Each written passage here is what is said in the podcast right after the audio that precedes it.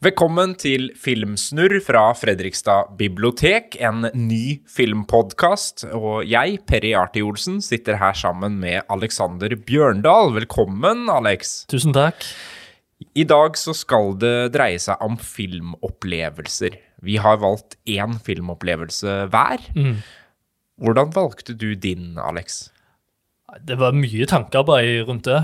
Jeg har jo sett veldig mye film, og det, det kommer liksom eh, Det endte vel liksom med den filmen som gjorde mest inntrykk første gangen. Ja. Så For her er jo veldig mange kategorier når man får det spørsmålet. Hva, hva er din største filmopplevelse, eller hva er din favorittfilm? Så varierer jo det veldig, i hvert fall for meg. Det er sånn evig liste som utvikler seg og endrer seg litt uh, med tida.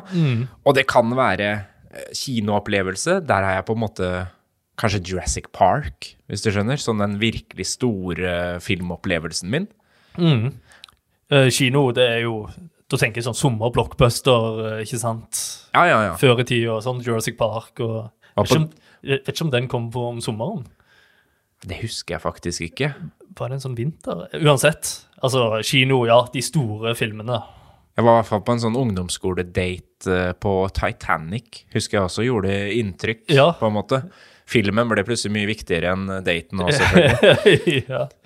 Og så har du jo ting som har skremt deg. Sånn sjelsettende filmopplevelser. ja. Um, og, og de derre banebrytende når man etter hvert begynte Jeg begynte jo å studere film, har en master i filmvitenskap. Og etter hvert da så begynner man jo å se etter andre ting enn kanskje bare fortellingen og skuespillerprestasjonene, men banebrytende filmarbeid, og hvem, hvem var først ute med å få til ting, de, de derre nyvinningene innen film, da. Så det er, det er mange ting å ta tak i på filmopplevelseslista. Jeg tror jeg har valgt kanskje min guilty pleasure. Aha. Ja, nå er jeg spent. Ja, det blir veldig spennende. Ja. Vi er ikke helt der ennå. Først så skal du få en åpningssekvens av meg som du skal få gjette på. Oh.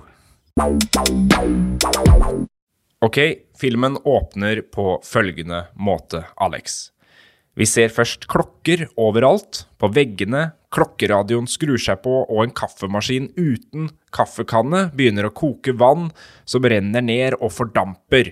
En annen klokkearm skrur på TV-en, og et nyhetsanker forteller at ledelsen ved et atomkraftverk benekter at det har blitt stjålet plutonium men en terroristgruppe fra Libya har påtatt seg ansvaret. Kamera beveger seg forbi TV-skjermen, og en toastmaskin popper ut to brente toast, og en robotarm åpner en boks med hundemat og heller den oppi en hundeskål. Døra til leiligheten går opp. Vi ser to ben med hvite Nike-sko og et skateboard. Hei, Doc, sier personen. Han sender skateboardet inn i leiligheten, og det triller mot senga, og under senga så står det en stor boks med plutonium.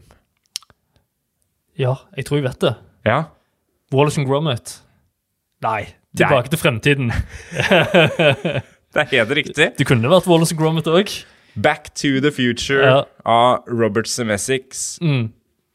Det, var veldig bra. Jeg er litt imponert, faktisk. Ja, Ja. Vi kommer tilbake til han senere, skjønner du. OK. Men først så har jeg jo lyst til å høre hva er din filmopplevelse, Alex? Hva har du tatt med til Filmsnurr i dag?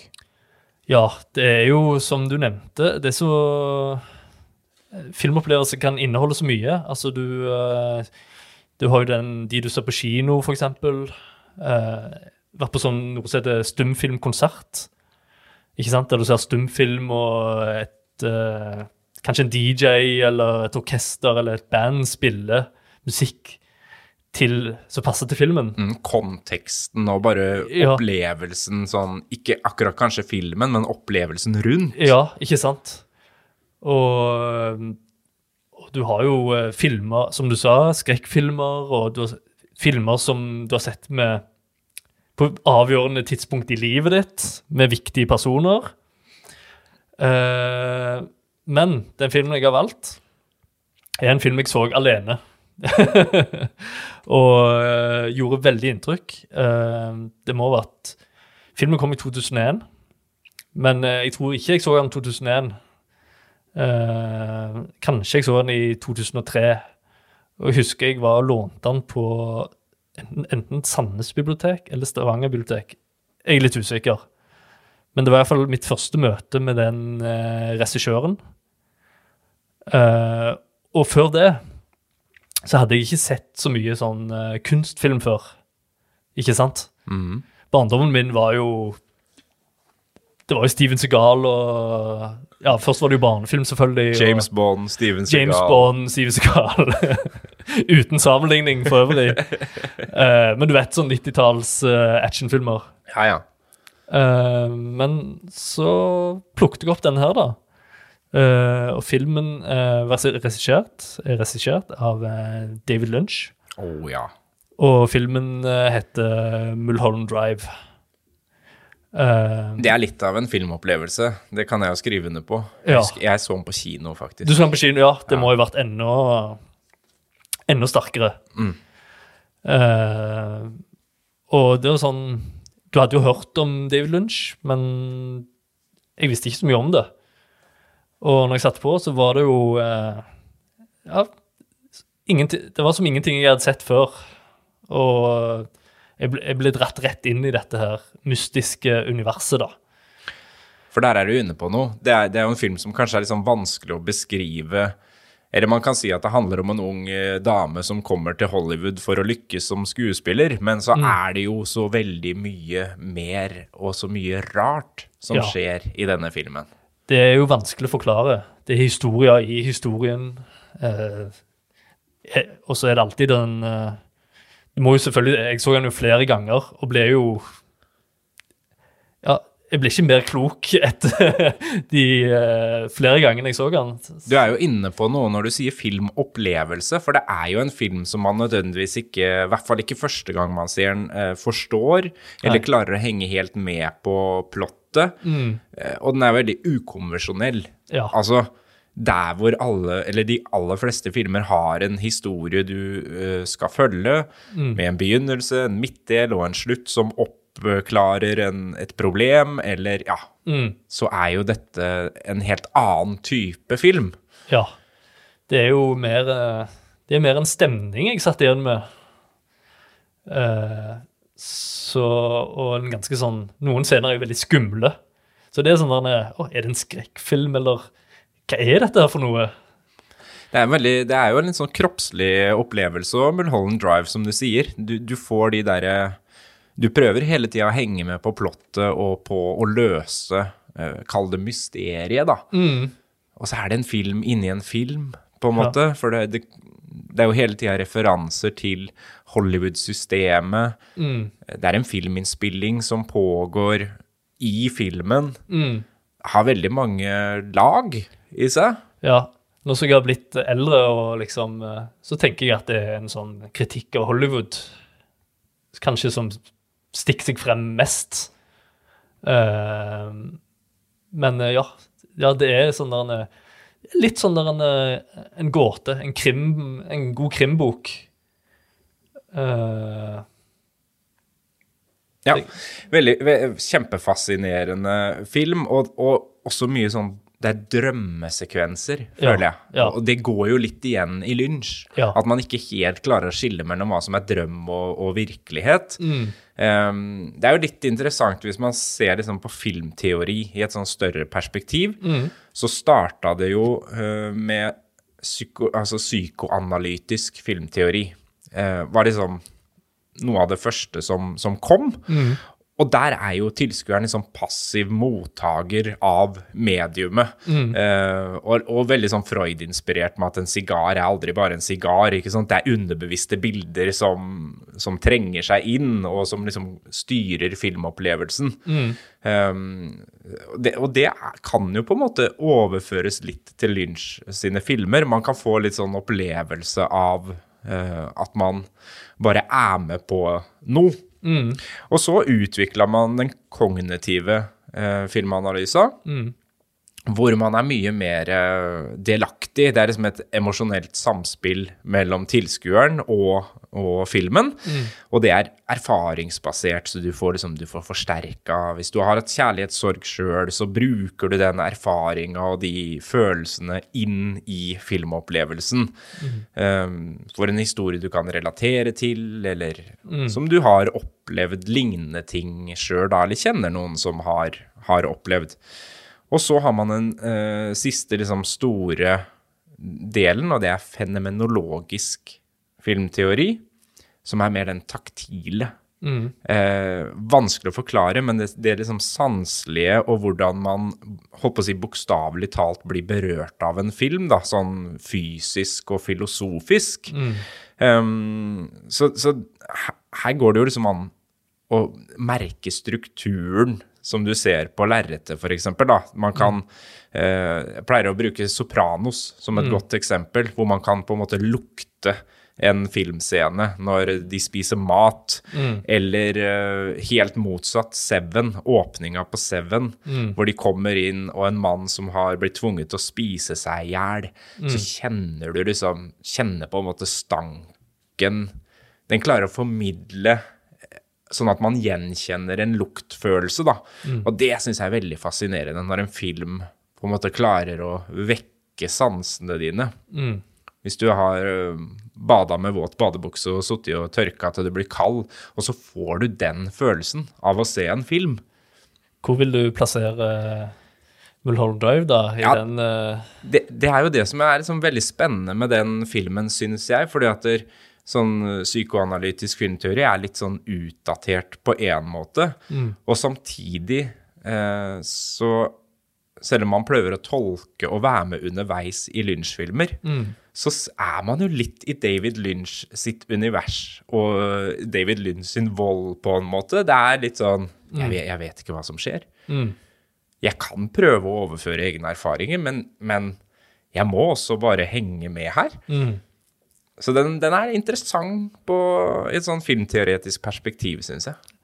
Det er jo eh, Jeg så nettopp en dokumentar om eh, Lynch og hans forhold til trollmannen over Os. Ja. Og at alle filmene hans er en slags variasjon av eh, trollmannen fra Os. da. Ok. Han er helt opphengt i den. Ja, så, så en Dorothy-karakter som blir tatt ut av sine omgivelser og plassert inn i noe fremmed. Ja, så her har du jo Betty som kommer til Hollywood, ikke sant? Og møter ulike karakterer. Så Og, du, og jeg leste òg at øh, dette skulle egentlig være en spin-off til Twin Peaks. Ja, fordi at det var ikke Mulholland Drive også tenkt som en TV-serie. Altså en, et større stykke.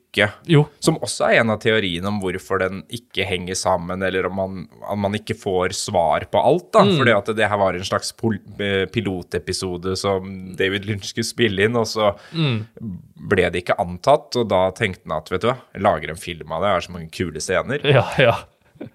Og så Så ja, gir han litt tyn til Hollywood òg. Men, men hva vil du si liksom er, er det lynske? Hvis man skal se på regissøren Lynch, for det, for det her er jo noe som går igjen i mange av filmene hans, de der litt uh, ukonvensjonelle fortellingene. Nei, det er jo uh, mennesker som ikke oppfører seg helt uh, normalt. Du, ikke, du, vet, du vet ikke helt hvor du har dem. Og så tenker jeg eh, ja, det er universet, da, eh, som er litt sånn der han er Han bruker kanskje litt sånn gamle Hollywood-filmer. men eh, karakterene oppfører seg ikke som gamle Hollywood-karakterer. Han, han balanserer jo veldig mye liksom, mellom det helt sånn absurde, surrealistiske, Ja. men også veldig eh, konkrete, som Ja. du er inne på. Man kan ha en ganske sånn eh, straight story for å Mm, straight story. Som er, Gi et ja. lite hint uh, til David Lynch. Um, Ja. Men det er noen sånne twist and turns underveis, uh, og noen karakterer, som du sier, som oppfører seg veldig, veldig merkelig. Mm. Um, så er det alltid en eh, slags mystikk under det, som du aldri helt får svaret på. mm. Og så er det jo visuelt veldig eh, sti, altså, stilen til Lynch kjenner man jo veldig igjen Ja. når man ser en Lynch-film. Mm. Eh, det er noe med kameraføringa, det er noe med bruken av holdt på å si møbler eller tepper. Han elsker jo liksom bare gå gjennom rom eller smyge seg inn på gardiner eller Lamper som blinker. Ja. Han, han fokuserer på ting som andre regissører ikke er opptatt av. Ja. Han er, han er en kunstner. Han er rett og slett litt uh, kunstner. Ja, Og, og litt sånn man kan elske og hate, tror jeg. ja absolutt. Uh, For, for det mange vil nok føle seg litt dumme når de ser en, en Lynch-film. Mm. Og det Jeg tenker jo at eh, Lynch-filmen er en opplevelse du må være med på, og Mm. ikke nødvendigvis noe man skal forstå eller uh, finne ut av alle plottinga. Mm. Han, han, jeg synes jo han, han tuller jo litt med publikummet sitt òg. I DVD-versjonen av Mulholland Drive, som jeg har hjemme, der ligger det et sånn lite skriv fra regissøren med ti punkter Ja. som det er spørsmål du skal stille deg sjøl underveis i filmen Ja. for å kanskje klare å uh, forstå hva som egentlig skjer, da. Ikke sant? Jeg, noe av det kjøper jeg, noe av det gjorde meg bare enda mer forvirra. Ja, som en lekse. Ja. Hjemmelekse. Han, er vel- han er vel den eneste Hollywood-regissøren som ikke lager Hollywood-filmer, kanskje. Ja. Så um, for noen år siden så var han jo, kom han ut med Twin Peaks sesong eh, tre. Ja. Så det var ganske kompromissløst. Veldig rart at han fikk den gjennom. Ja, men det er jo det som er kult med Lynch, da. At da klarte han uh, jammen meg han, han, han var jo en banebrytende figur i å lage TV-serie da Twin Peaks kom på 90-tallet, hvor, han tok en, eh, hvor han tok liksom såpeserieformatet, og så gjorde han det til en skrekkmystikk uh, Ja, med overnaturlige krefter og alt du kan finne som rører seg i Lynch-universet. Jeg leste en plass at Norge sto stille når mm. Twin Peaks uh, gikk. Ja, ja, ja. Og det er jo fortsatt ganske skummelt. Det er veldig Det skremte jo livet ut av folk uh, Ja. på den tida. Så ja, han, han har det jo med å helt kompromissløs, som du sier, klare å holde på sin stil. Og ja, gjorde jo igjen en helt ny vending i den sjangeren TV-serie, når han nå lagde sesong tre av Twin Peaks. En stor del er jo òg musikken her. Helt klart. Ny, nylig avdøde. Ja, det er eh, et par år siden nå, vel? Er det på, på år siden? Ja, jeg det tror det. Ja. Er det ikke det? Skal vi uh, sjekke det? Jo. Det er altså Angelo Badalamenti Mm. som døde i 2022. Ja. Så du har helt rett, uh, Alex. Han har jo laga det aller meste av Lynch eh, sine filmer. Og det her bringer oss jo liksom inn på den eh, håper å si, siste filmteorien som jeg har lyst til å nevne, Ja. nemlig autørteorien. ja, ikke sant? Og det går jo på hvordan en person setter liksom virkelig sitt stempel på en film, og bruker personligheten sin, og gjerne jobber med de samme folka. Her har du en regissør som skriver manus, som skriver eh, Altså har en som skriver musikken, og som bruker en stil gjennom hele sitt eh, filmatiske forfatterskap, da, på en måte. Der passer jo Lynch eh, fint inn. Der er David Lynch, der er Bergman, ikke sant? Hitchcock, Stanley Kubrick, og selvfølgelig mm, Dette kommer jo fra den nye franske bølge, eh, med, med Jean-Luc Godard og, og den gjengen som på en måte eh, skapte begrepet. Tarkovskij, Fellini kan man er, Det er jo veldig mange som eh, er sterke autører. Det er kanskje den eh, Du nevnte jo en regissør før her. eh, var det kanskje et frempek på din eh, filmopplevelse? Det var jo det. Jeg nevnte jo Robert Semesix, rett og slett. Og min filmopplevelse, jeg var inne på det, en litt guilty pleasure. Mm. Jeg har tatt med meg, jeg vil si kanskje det motsatte av David Lynch og Mulholland Drive, Mm. nemlig Forest Gump Ikke sant? fra Ja. 1994. Den er jo da basert på en bok av Winston Groom, Hvor i boka så er jo Forrest Gump litt sånn røffere i kantene, banner mye og er en sånn, ja, helt litt annen type. Og Groom, han så for seg John Goodman, eller John Candy, som skulle spille Forrest Gump. Ja. Jeg tror ikke han nødvendigvis var kjempefornøyd med filmen. Eh, men veldig mange har jo sett den, men det handler jo da om uh, Forrest Gump, som er en litt enkel type, som sitter og venter på bussen, og begynner å fortelle livshistorien sin til eh, fremmede folk som mm. vil høre på. Og det er jo litt av et liv han har levd. Mm. Jeg er sikker på at han, eh, Jonas eh, Jonasson eh, er veldig inspirert når han skrev 100-åringen som klatra ut av vinduet og, og forsvant, Det for For her er vi jo da på en reise gjennom amerikansk historie. Eh, ting som alle kan relatere seg til, som alle husker, og som veldig mange har opplevd sjøl. Og for meg så var jo det her litt sånn møte med den amerikanske historien. Um, og så smører de jo på da med alle mulige virkemidler. Eh, den var jo teknisk veldig banebrytende. Forrest Gump ender jo opp med å møte amerikanske presidenter. Han tar uh, Nixon i hånda, for eksempel. Som var litt sånn Hvordan har de fått til det her? Det er jo helt utrolig hvordan de har klart å, å lage det. Så, så på den tida så var dette ganske banebrytende. Og så har man den fortellerstemmen, da. Ja. The voice-over, som er også elska og hata i filmtradisjonen. Ja. Eh, denne overforklarende stemmen som eh, forteller akkurat det vi ser på skjermen, Ja. som jo er motsatt av det Lynch gjør. ja, ikke sant? Lynch ville jo aldri på en måte hatt en fortellerstemme Nei. som, eh, som for forklarer plottet. Nei, det ville vært rart.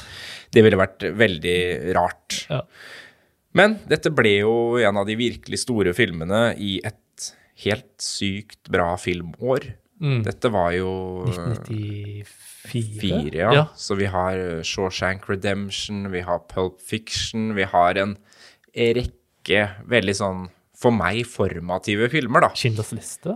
Eh, Nei, det var et nei, det annet var, år. Det Ja. var et annet år, Ja. men, um, men veldig mange store filmer som kom, kom det året. Mm. Og som jeg er inne på, når du ser Forest Gump igjen nå, så ser man jo eh, mange svakheter og mange huller, og ikke minst at filmen tar veldig lite stilling til alle de eh, eventene de beskriver. Vi er jo innom Vietnamkrigen uten at det egentlig blir kommentert. Vi er innom de svartes rettigheter uten at det egentlig blir særlig kommentert. Vi, vi er jo bare flue på veggen sammen med en fyr som kanskje ikke skjønner sin egen samtid engang. Så, så det er mange måter å se den filmen på. Det er jo litt sånn sommerfugleffektfilm òg. Forrest Gump beveger seg jo og har jo påvirkningskraft på veldig mange av de store begivenhetene i amerikansk historie. Uten at han egentlig er klar over det sjøl eller ønsker å endre på noe. Altså, det er en utrolig politisk film som aldri tør å ta noe politisk standpunkt eller si noe om Amerika. Den sier jo noe om at eh, vi er alle viktige. Ja, den sier noe om at vi alle er viktige, så- men samtidig så tenker jeg han sier litt sånn Dette er den amerikanske drømmen uh, på godt og vondt. For den viser også hvor mye som er galt med Amerika, og hvor lett det er å snu på en måte ryggen til alle de problemene man, man ser. Det er en sånn dualistisk eh, opplevelse hele tida. Han er oppkalt etter Ku Klux Klan-lederen. Ja. Men han blir bestevenn med en eh, svart afroamerikansk eh, mann som han på en måte fortsetter å, å hedre ut hele filmen. Uten at han egentlig skjønner noe av The Black Panther Movement eller borgerrettighetene til de svarte. Nei. Ja. De hadde jo, Jeg leste om det, at de hadde til og med en, en scene som de valgte å klippe bort, hvor Forrest Gump redder Martin Luther King Oi, ja. fra å, å Altså, han blir angrepet av noen hunder som Forrest Gump da klarer å, å jage bort. Ja. Uh, det tror jeg at var lurt at de ikke hadde med den Ja, delen det i, i tillegg. Det er nok av andre ting der å, å ta tak i. Det var jo veldig herlig å bare leke seg med historien sånn.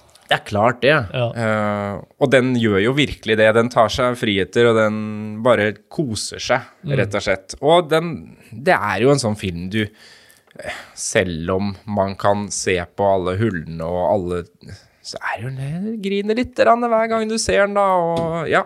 Den, den har vært Det var en stor filmopplevelse for meg fordi man så liksom mulighetene i film. Den har jo også mange sjangere, som du er inne på med Lynch. Altså, inni her så er det drama, det er komedie, det er litt krigsfilm. Det her var på mange måter et springbrett for meg til å se mye annen film. Som gjorde at man fikk liksom helt andre opplevelser senere, da. Men, men en feel good-film som uh, ikke tar stilling til noen ting, men som er en herlig skuespillerprestasjon, en herlig historiefortelling. Litt sånn film som du ikke ønsker skal ta slutt. Nei, og du kan se den igjen og igjen. Ja, absolutt. Det er jo Springsteen likte jo ikke denne filmen. Han, han skrev jo faktisk en sånn liten Forrest Gump-disselåt. um, Hva var det han ikke likte med 19, den? nei, ja, altså, etter hva jeg har skjønt, så syns han jo liksom han snakka ned den amerikanske arbeideren. OK. For her er det en som bare ramler inn og blir millionær og får til Ja. Ja. Så, så den derre um, jobbe hardt till you make it Ja. var på en måte tatt helt bort, da. ja. Og det er jo litt interessant. Springsteen skrev jo låta til Philadelphia, som da Tom Hanks vant Oscar for året før. Og så kommer han da året etter Forrest Gump og har laga My Best Was Never Good Enough, heter den sangen. Ja. Og der synger han direkte sitater fra Forrest Gump-filmen, som han liksom radbrekker litt, da. Okay. Med, med Life is like, a box of chocolate eh, i, i spissen. ja, det visste jeg ikke. Og så er det da Robert Semesix, eh, som sagt, som, som har laga filmen, eh, og Allan eh, Silvestri, som har dette soundtracket, da, som, bare, som jo gjør filmen. Mm.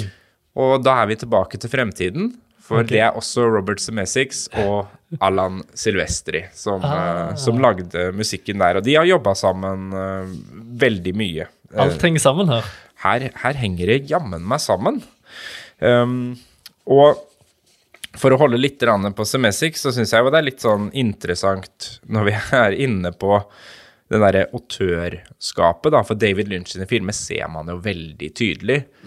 Mens det kan man jo kanskje argumentere for her, og at den litt sånn lette tonen her i Semesix. Men la meg bare nevne noen filmer, uh, og se om du liksom finner noen sammenheng, eller om han her er en fyr som hopper litt mellom sjangerne.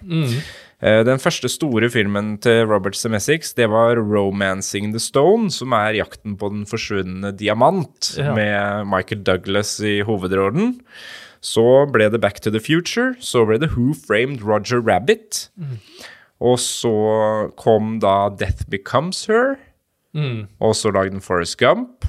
Så lagde den Cast 'Castaway', Uh, 'Contact' har han laga, 'A Christmas Carol', 'Flight', The Walk, Heksene, den nye versjonen av den, og den nye versjonen av Pinocchio. Og så kommer han nå da neste år med Hair, som jeg ikke aner hva handler om. Ikke godt å finne noe rød tråd der, Terry. Nei, What Lies Beneath er jo en skrekkfilm. Castaway er jo Tom Hanks på en øde øy eh, som hopper rundt og lager ild, ikke sant? Polarekspressen. Ja. Det er jo en julefilm. Han har to julefilmer, da, men Beowulf har han laga med Anthony Hopkins. Fantasi, ikke sant? Sånn Han har en del sånn barnefilmer, da. Ja, eller det er kanskje det som er fellesnevneren her. Ting Ja. som for Back to the Future òg syns jeg jo var helt fantastisk når jeg var liten. Mm. Så han, jeg tror han, hvis vi skal oppsummere han, så dyrker han på en måte filmmagien. Ja. Og er eh, kompromissløs på at han ikke trenger å forholde seg til virkeligheten. Nei. Han bare leker med filmmediet for å fortelle den historien han har lyst til å Ja. fortelle. Mm. Um, og, og har jo med seg manusforfatter Eric Roth på, på Forest Forrest Gump, da, som, som også har skrevet veldig mye gode filmer. Og sånn sett så kan man vel si at uh, Forrest Gump kanskje ikke er det beste manuset sånn sett. Han har også skrevet The Insider. Uh, Killers of the Flower Moon, som uh, Scorsese kommer Litt med sånn nå. true crime. uh... Eh, Munich, Ja. som eh, Steven Spielberg regisserte. Um, så han, han har mye. A Star Is Born skrev en. Dune har han skrevet eh, manus til. Lynch sin. Uh, ikke til Lynch, sin, Nei. men til Denise Villeneuve. Denise Villeneuve. Jeg ser her at uh, David Lynch står ikke på lista over folk han uh, har uh, samarbeida med. Nei, nei. Men, Men, ellers har han vel samarbeidet med ganske mange. Det, det kan vi si. Så da har vi, da har vi to vidt forskjellige filmopplevelser. Vi har kunstfilmen som du kan dykke ned i og forsvinne inn i og tolke deg i hjel på hver enkelt scene. Og vi har den eh, formative, eh, konvensjonelle, fortellertekniske Forrest Gump, som veldig mange har et forhold til, og som alltid er hyggelig å se igjen. Hvilken film tror du er Semenkis, Semenkis uh, favorittfilm? Av disse to Nei, Eller- av uh, Hvilken tror du han eh, Hva var hans store filmopplevelse? Um, Jeg tenker litt sånn It's, It's a Wonderful Life, jeg. Ja, det kan godt hende. Ja. It's a Wonderful Life. Det kan godt hende at han uh, ville trukket fram den. ja. David Lynch hadde helt sikkert valgt en av sine egne. Nei, det var jo Trollmannen og Os, vet du. Trollmannen av Os. Men eh, ja. Jeg tror det, det er to veldig forskjellige regissører, iallfall. Da er vi inne i spalten oppfølgerfilm, Alex. Ja. Og da tenkte jeg at vi skal ta en oppfølger til Forrest Gump. ja. Forrest Gump 2. Hvordan ville den øh, sett ut, øh, tenker du? Ja, nå må jeg huske hvordan han endte. Ja, altså Bubba dør jo. Lieutenant Dan har fått nye ben. Ja. Eh, Jenny, den store kjærligheten hans, dør jo. Mm. Mammaen hans er død. Han driver Bubba Gump Shrimp Company, da. Mm. Men eh, vi kan jo ta Winston Groom først, For da. når filmen slutter, så sitter han på en benk, gjør han ikke det? Jo, da, altså det ender jo med at han får jo ansvaret for sin sønn. Ja, ikke For sant? Jenny har jo blitt gravid. Ja. Så han eh, sender da sønnen sin på bussen med den samme bussjåføren som frakta han til skolen første dag. Så Ja. det er, og så flyr jo dette eh, Hva heter det? Fjæra. Ja. Fjæra som man har plukka opp på bussholdeplassen, den fortsetter jo å danse i vinden. Ja. Og Det er jo litt sånn bilde på Forrest Gump. Han, han er jo en fjær som bare flyr rundt og, og dulter borti historien. Kommer helt an på hvem som er regissøren. Om det er Lynch eller Semenkis som, uh, som Ja. tar toeren. Og jeg tenker jo at hvis det er Lynch, så tror jeg han kunne laga Falling Feathers. mm, ja. Mm. Som er litt sånn mørk og mystisk, eh, hvor, hvor kanskje ting går litt eh, gærent. Mm. Men det er faktisk skrevet en bok. For mens de holdt på å filme Forrest Gump, så tenkte jo sikkert Winston Groom at her er det mye penger å tjene. Ja. Så han skrev altså en ny eh, roman som heter Gump og Company. ja. Altså Gump Co. Ja. Eh, og her, det her handler det jo rett og slett om at det har blitt laga en film om Forrest Gump, oh. og hvordan det har ødelagt livet hans.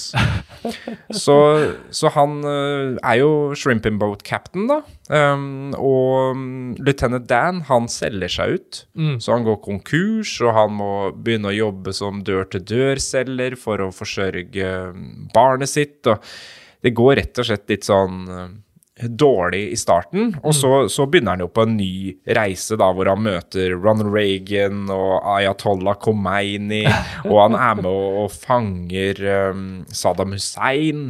Altså, det tar virkelig av, og ender opp med å møte Bill Clinton og Hillary Clinton mot slutten av boka, og, Ja.